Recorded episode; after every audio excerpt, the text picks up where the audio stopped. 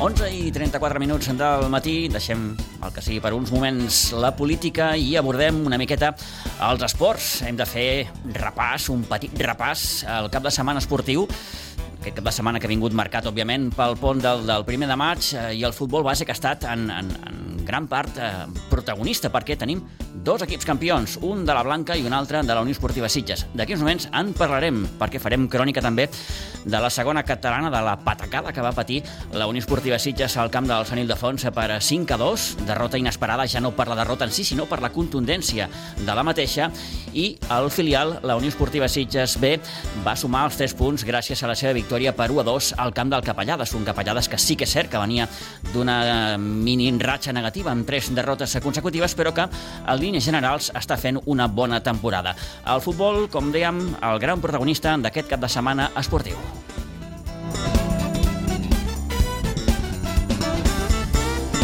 I és que, com els dèiem, el cap de setmana ens ha deixat dos equips campions. D'una banda, i en vàrem poder parlar una miqueta el divendres passat, l'infantil B de la Unió Esportiva Sitges, que només necessitava un punt per proclamar-se campió en el partit que jugava diumenge en Ribes. Al final, victòria per 0 a 4 i l'equip de la Don Vidal, que és campió amb la manca d'una jornada i amb uns números mm, certament extraordinaris. 163 gols marcats i només 6 en contra.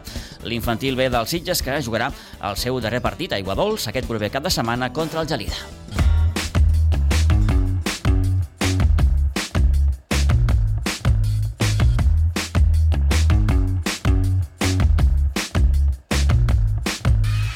I un altre equip campió i amb trajectòria brillant. Parlem del cadet B de la Blanca Subur, que amb aquest passat dissabte es va proclamar campió també a falta d'una jornada per acabar el campionat. L'equip que entrena en Joan Cintes va guanyar 0-3 al Mascatarro i és a punt de tancar una temporada amb uns registres vaja, excel·lents. És l'equip més golejador, ha fet 132 gols, n'ha encaixat només 17 i no ha patit cap derrota.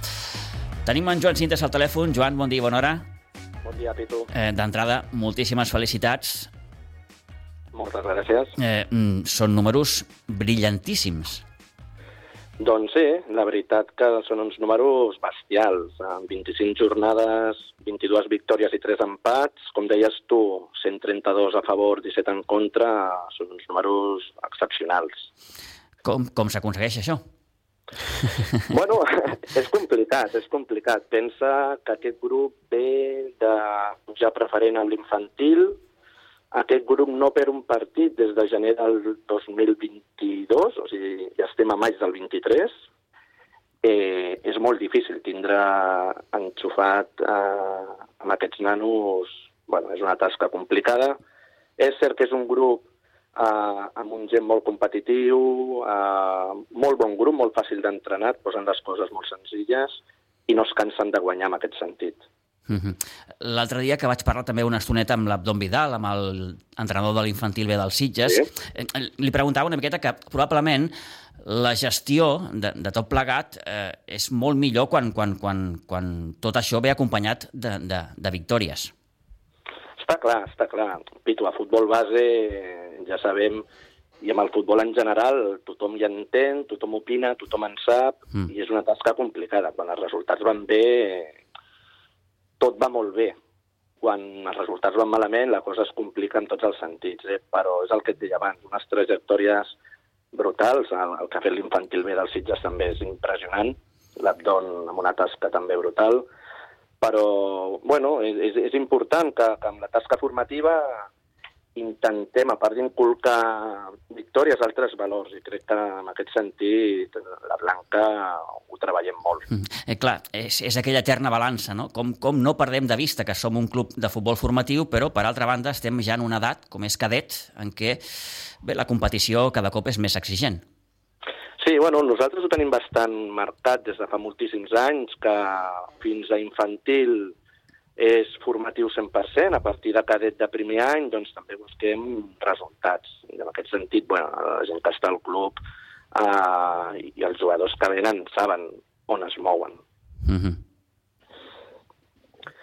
Bé, i a partir, Bé, a partir d'aquí, sí, suposo, és, és intentar mm, combinar-ho tot, no? Vull dir, repeteixo, no perdem de vista que som un, un club de futbol de, de, de, de formació i a partir d'aquí doncs, entrem ja en una competició cada cop més exigent. Eh, estem, en definitiva, en una societat, Joan, molt competitiva. Sí, sí, està clar, Pitu, això. I a, i a mesura que, que passes categories més altes, el nivell d'exigència és més alt. Mm. Uh, i, I amb la problemàtica actual, a més a més, que hi ha, que és molt complicat pels joves estiguin centrats 100%. És difícil, és una tasca de molt de formigueta, la, de gestió de vestidor, de gestió de grup. Pensa que a part de la, la, les qüestions tècniques i tàctiques, eh, la qüestió emocional també és molt important, treballar-ho... Cada, cop, un... cada, cada cop més, no, Joan? Sí, cada cop més, cada uh -huh. cop més, perquè la societat avança amb un ritme vertiginós i tot és immediat. Tindre aquest punt de paciència que teníem nosaltres quan érem joves ara no existeix. Tot -huh. lo quieren ja, i el resultat el volen immediat i a vegades tindre aquesta paciència i gestionar aquestes paciències amb, amb la gent que té menys minuts és complicat, és mhm. complicat. Mm -hmm. Gestió de vestidor, gestió d'entorn, de, i quan, quan parlo d'entorn em refereixo bàsicament als pares. Sí, és una mica el que parlàvem abans a l'inici, eh? Mm. és a dir, a, a, en el futbol, per sort per desgràcia, tothom hi entén i, i, i tothom es pensa doncs, que el seu fill és el millor i a vegades no entenen que quan tu prens una decisió sempre és en benefici primer del club, segon de l'equip i del grup, i també del nano. I hi ha molta gent que això li costa entendre-ho. Uh, però bueno, ja ho sabem, la gent que estem en aquest món doncs és una part de, de crítica que has d'assumir sempre i que has de saber torejar. Uh -huh. Perquè ens donem una miqueta compte de com ha anat tot plegat. Bé, la Blanca, com, com dèiem, ha aconseguit aquest campionat amb 69 punts, queda un partit, ara ho comentarem. El segon, eh, el vostre gran rival, que és el Subirats, eh, Unió Esportiva, en té 63, i a partir d'aquí, i clar, hi ha una diferència bastant gran, perquè eh, l'Atleti Vilafranca suma 56 punts i el Sitges, que és quart, en suma 51. És a dir, que heu guanyat el campionat amb una certa solvència si exceptuem una miqueta els números també que té els Subirats. Sí, amb, amb, amb aquesta lliga que hi ha aquest cert desnivell, que, hi ha, que te'l podia jugar amb tres o quatre equips, gestionar el, el, el setmana rere setmana és complicat, eh? perquè sempre pots caure amb la complacència sí. i pensar que, que és fàcil guanyar. I, I és el que et deia al principi, aquests nanos venen des del 2002 sense perdre cap partit. I això s'ha de posar amb molt de valor. I anar a camps on saps que, en teoria, has de guanyar fàcil pels números, costa motivar sí, sí. costa motivar, i, i tu has de treure. Eh? Per exemple, deies el cas del Vilafranca, el Vilafranca per esperances quan per punts a, a casa de, de, del Sant Cuat o, o que dius, està en una distància brutal, té 29 punts. Nosaltres li traiem 40 punts en aquest sentit. Mm -hmm. eh, jugueu l'últim partit, curiosament, aquí al Nou Pins Vents contra els Sobirats. Sí, era, era un partit que havíem marcat al calendari pensant, mare de meva, si ens hem de jugar tot a la darrera jornada, intentem fer els deures abans perquè al futbol, tu ja ho saps, poden passar qualsevol cosa i jugar-te una carta és perillós. Eh, eh, Joan, tenint en compte que teniu ja el títol a la butxaca, imagino que l'objectiu ha de ser acabar la temporada sense perdre cap partit. Està clar, està clar. La mm. motivació del grup, que és el que dèiem mentre celebràvem, era que havíem de guanyar el darrer partit i fer una temporada immaculada, eh, que jo crec que és eh, molt difícil de fer. Uh, ho parlem moltes vegades amb, amb, amb el David, amb el coordinador, que guanyar és molt difícil. Pujar és molt difícil. Ell que té experiència, que ha pujat també moltes vegades, sempre ho diem. Un, qualsevol petit detall, qualsevol cosa pot tirar la feina de tot l'any a, a Norris. Mm -hmm. I en mhm. aquest sentit, nosaltres volem acabar la temporada fent un 26 jornades i 24, 23 victòries i 3 empats. Mm -hmm. No volem perdre. Eh, està clar que sí. Eh, ets una miqueta el cap visible de tot aquest grup però clar... Sí, tens... no, hi ha molta gent darrere. Clar, clar, clar, una miqueta aquí està la funció també dels delegats, de, de sí, una miqueta tothom, mira, no? La sort que hem tingut i, i, i que tinc, que tinc un staff espectacular, tinc l'Eduard Girona amb mi, que em fa de delegat des de fa molts anys i és una peça in, indispensable per mi, que em fa que jo només em preocupi de, de futbol. Tinc el Gerard, que ja fa dos anys que m'ajuda i m'acompanya. Tenim en Nacho Escobos amb nosaltres també aquest any, que fa una tasca brutal en tots els sentits. El recolzament del David com a coordinador, que sempre l'hem tingut, de, de, de la junta directiva actual, de l'anterior, dels presidents, del, del Toni Sardà en el seu moment, i ara de l'Agustí i Marcet. Vull dir, ens sentim en aquest sentit molt recolzats en, en tot moment. Molt bé, Joan, doncs un aplaudiment ben gran des d'aquí, des de la ràdio, per, per aquest cadet B de la Blanca, per aquesta trajectòria brillantíssima que Ara falta doncs, allò acabar-ho de redonir amb aquest últim partit a casa aquí al Nou Pinsbens contra els Sobirats Unió Esportiva. Joan, repeteixo, enhorabona, que vagi molt bé. Moltes gràcies, Pitu. Una abraçada. Igualment. Adéu, adéu.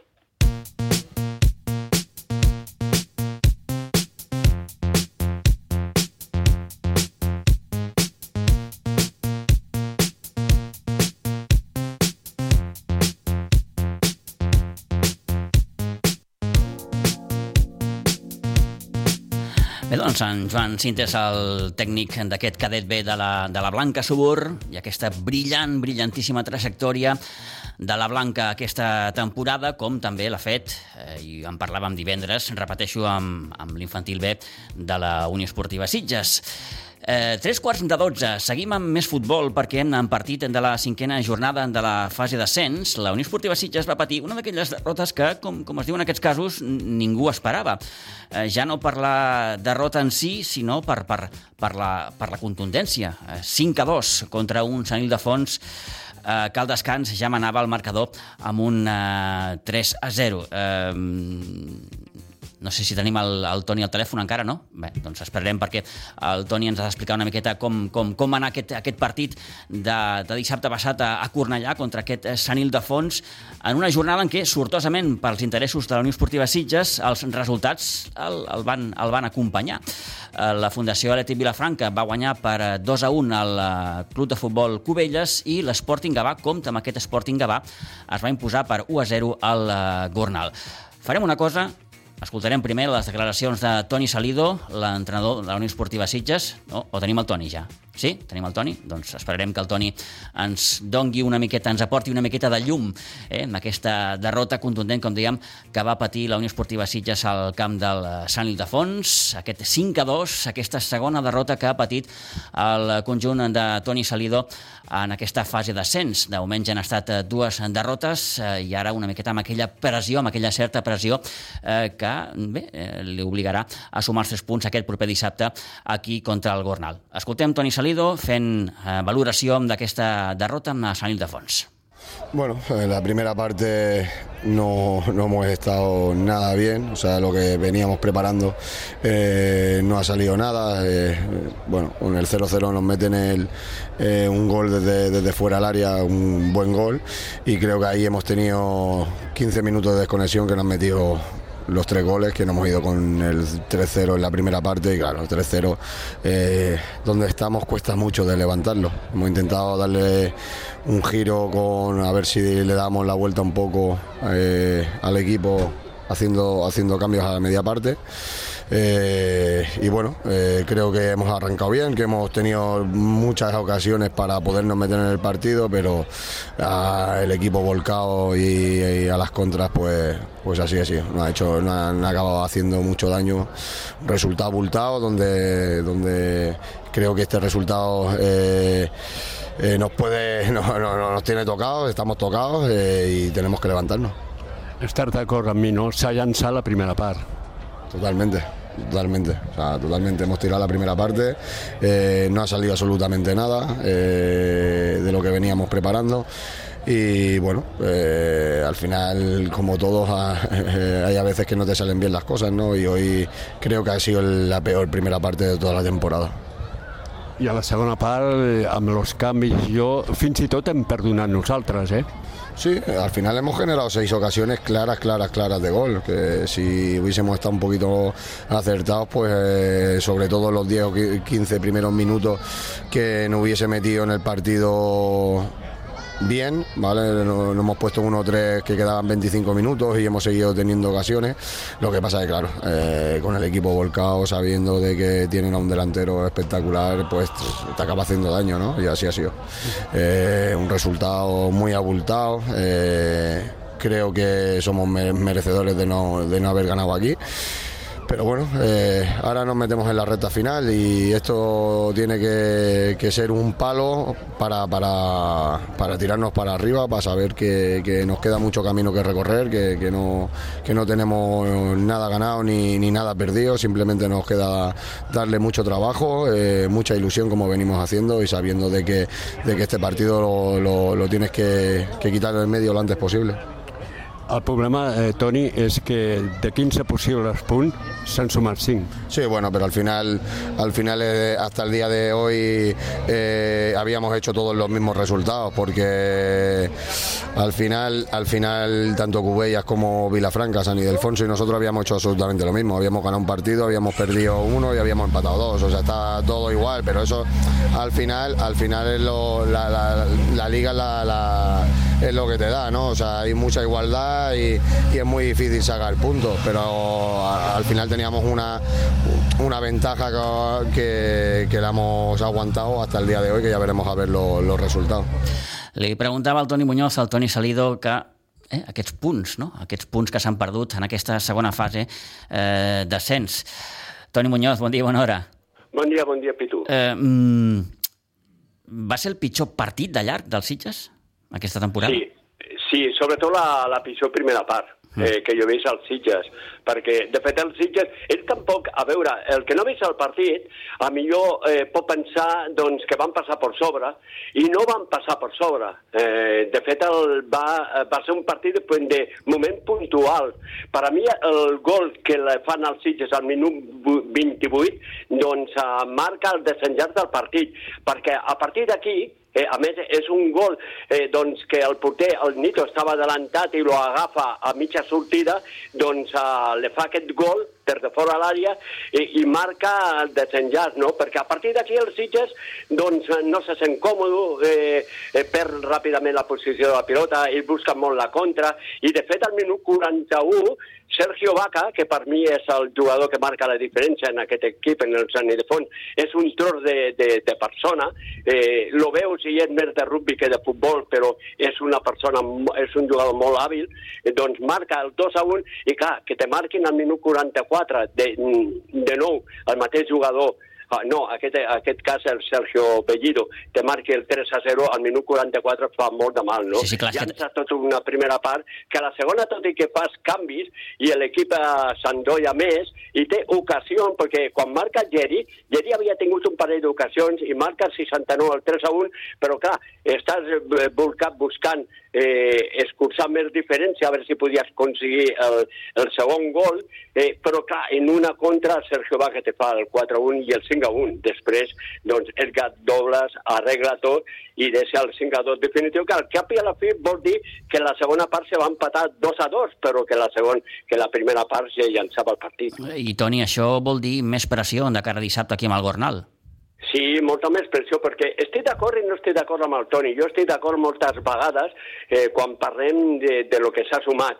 No estic d'acord perquè ell diu que sí, que tot, que tot ha anat igual, però bé, el que vol pujar és el Sitges. A mi me dona igual el que faci els demés. El Sitges té que sortir a guanyar els tres punts sempre, eh? i el que no pot fer és eh, en 5 partits sumar tan sol 5 punts, no?, de 15 possibles, no? Eh, clar, un equip que vol pujar, eh, eh, l'ha anat bé, no?, els resultats, però que el Sitges té que oblidar-se dels resultats dels demés i té que anar per feina eh, i canviar la dinàmica d'aquesta primera volta perquè si no patirem a la segona. Sí, perquè és curiós, eh? La trajectòria és molt millor, òbviament, a la primera part del campionat que, que, que, que ara que, que, que, que, que se la juga, en definitiva, eh, per ser l'any vinent a primera catalana. Només la victòria de, de, de, de, contra el Cubelles Aigua Dols i els dos empats a zero contra, contra el Gornal i, i la Fundació Leti Vilafranca. Sí, jo penso que el Sitges l'ha sorprès molt aquests tres equips que no coneixia. Ja. Eh, l'ha sorprès molt el Gornal, allà va treure un bon empat, eh? Eh, en un partit que ni un ni l'altre va tenir ocasions, però a cap i a la fi va ser un empat bo pels Sitges. L'ha sorprès més, eh, l'ha sorprès, eh, sorprès molt eh, l'Atlètic Gavà, doncs que, que és que l'Atlètic Gavà en cinc partits ha sumat 11 punts. Sí, sí, eh? sí, sí, sí. Eh? Eh, està endollat totalment. I el Sant Ildefons és un tros d'equip, és un equip que a casa seva no crec que ningú sumi perquè és un tros d'equip. I tots aquests equips, els Sitges, no tenia referència futbolística. Tenia referències de lo que l'havien parlat, de que era un bon equip, però tu no l'havies vist jugar.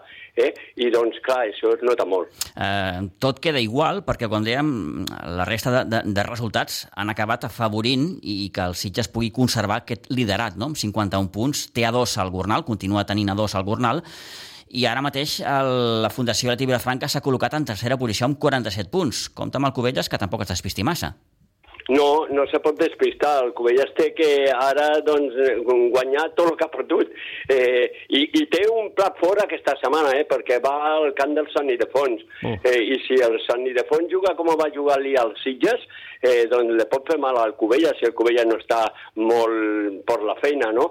Eh, un Covelles que ha notat molt l'ausència, eh, perquè Òscar García, el Covelles, per molt que diguin, l'ha notat moltíssim, i si no que se lo diguin al Vilanova, o el mateix Isei, no?, que era el que marcava els gols, no? Aquesta ausència l'ha notat molt el Covelles i, i l'està notant, no? Eh, I ara té un partit difícil. Ara el que té que fer el Sitges és guanyar el Gornal. Jo penso que guanyar el, Gorn, el Gornal i sumar tres punts més al Sitges, com a mínim, s'assegura l'ascens. Després sí. ja veurem si queda segon o, o tercer o primer, no? Però com a mínim a assegurar-se l'ascens. Importantíssim, per tant, el partit d'aquest dissabte a Iguadols contra el Gornal a partir de 3 quarts de 6 de la tarda. Eh, Toni, eh, permetem si donem també un cop d'ull a la tercera catalana, Bona victòria del Sitges B, 1 a 2 a Capellades. Sí que el Capellades venia d'una mini ratxa negativa, tres derrotes consecutives, però en general el Capellades estava fent una bona temporada. Vaja, està fent. Sí, per això és que, eh, encara més, més interessant aquesta victòria dels Sitges, perquè, clar, eh, venia el cap allà d'una dinàmica més ben negativa, un petit sotra que està patint a l'equip, però, clar, eh, davant dels Sitges sortia per totes a guanyar els Sitges i trencar aquesta dinàmica negativa que porta, no?, aquesta mini dinàmica, no? Mhm. -huh. El Sitges va fer un partit molt seriós, va marcar dos gols, en acabar la primera part marcava, eh, se posava per davant, després a, a a, a la represa marcava el 2 a 0 i tot i que ells mar van marcar de penal, doncs tampoc va patir molta angòcia el Sitges perquè va tenir ocasió per marcar més gols. Els gols de Josep Sánchez i de Pol Navarro que li van acabar donant aquests 3 punts al Sitges B que, com comentava fa uns dies el seu entrenador Àlex Villa, l'objectiu intenta cada segons. Sí, és molt important quedar segon. Eh, de fet, eh, serà cosa de, de, o bé del, del Sitges, o bé de l'Olivella, o bé del Ribas, eh? perquè el sí. Ribas porta 19 partits sense perdre. Eh? Bona victòria del Ribas, Toni, 2-3 a Montbui, eh? Clar, vas a Montbui i acabes guanyant un partit que lo tenies guanyat, que lo acabes empatant i que al final, en l'últim instant, marques el 2 a 3 que te porta els 3 punts cap aquí. Serà cosa de, de Sitges, eh, Olivella i eh, Sant Pere de Ribes. Tot i que, per mi, els Sitges, eh, si continuen aquesta dinàmica, per mi pot ser l'equip que quedi segon. El Sitges que eh, jugarà dissabte que ve a la Múnia el tercer partit consecutiu, és a dir, tancarà ja aquesta terna de partits eh, fora de casa, de moment amb bons resultats. Eh, de moment l'empat a, a 4 amb, amb la Noia i aquesta victòria a Capellades, veurem què passa a la Múnia. La Múnia que per cert va perdre 3 a 2 en el seu partit contra l'Atlètic Vilanova i l'Olivella li va fer un 4 a 1 al Montserrat Igualada, com era Toni, una mica previsible. Eh? Sí, era molt perversible, no?, de que guanyés de la manera que va guanyar doncs, la Múnia, que va començar per la darrere del marcador, però que després doncs, va ser un passeig per a, a l'Olivella. I, I destacar l'Aleti Vilanova la Gertrú, que amb aquesta victòria ha sortit del descent momentàniament, no?, perquè sí, ara és les és les cabanyes el que està baix del tot, i aquesta setmana hi ha un partidàs entre les cabanyes i l'Atleti Vilanova la Geltrú. déu nhi doncs seran unes últimes jornades apassionants, sobretot en aquesta part baixa de la classificació. A la part alta, el Vilanova del Camí ho té gairebé fet. Li treu 10 punts al segon, que és l'Olivella. Per tant, el conjunt de la noia eh, més a prop de ser, de ser campió de Lliga. Toni, moltíssimes gràcies, que vagi molt bé. Ens retrobem divendres. Molt bé, Pitu. Adéu-siau. Bon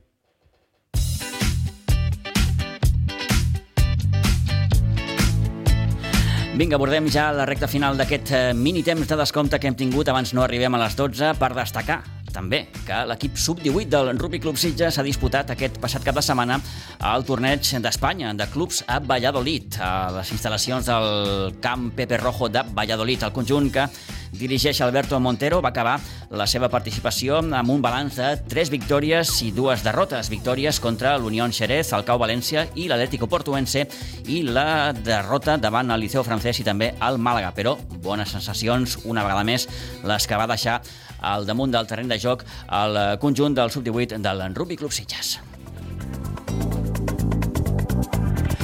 I amb aquesta participació de l'equip sub-18 del Rugby Club Sitges a Valladolid posem punt i final aquest eh, temps d'esports a la sintonia de Ràdio Maricel. Arribem gairebé al punt de les 12, per tant, gràcies de nou per fer-nos confiança. Tornem demà, com sempre, a partir de les 9. Que acabin de passar molt bon dimarts. Adéu-siau.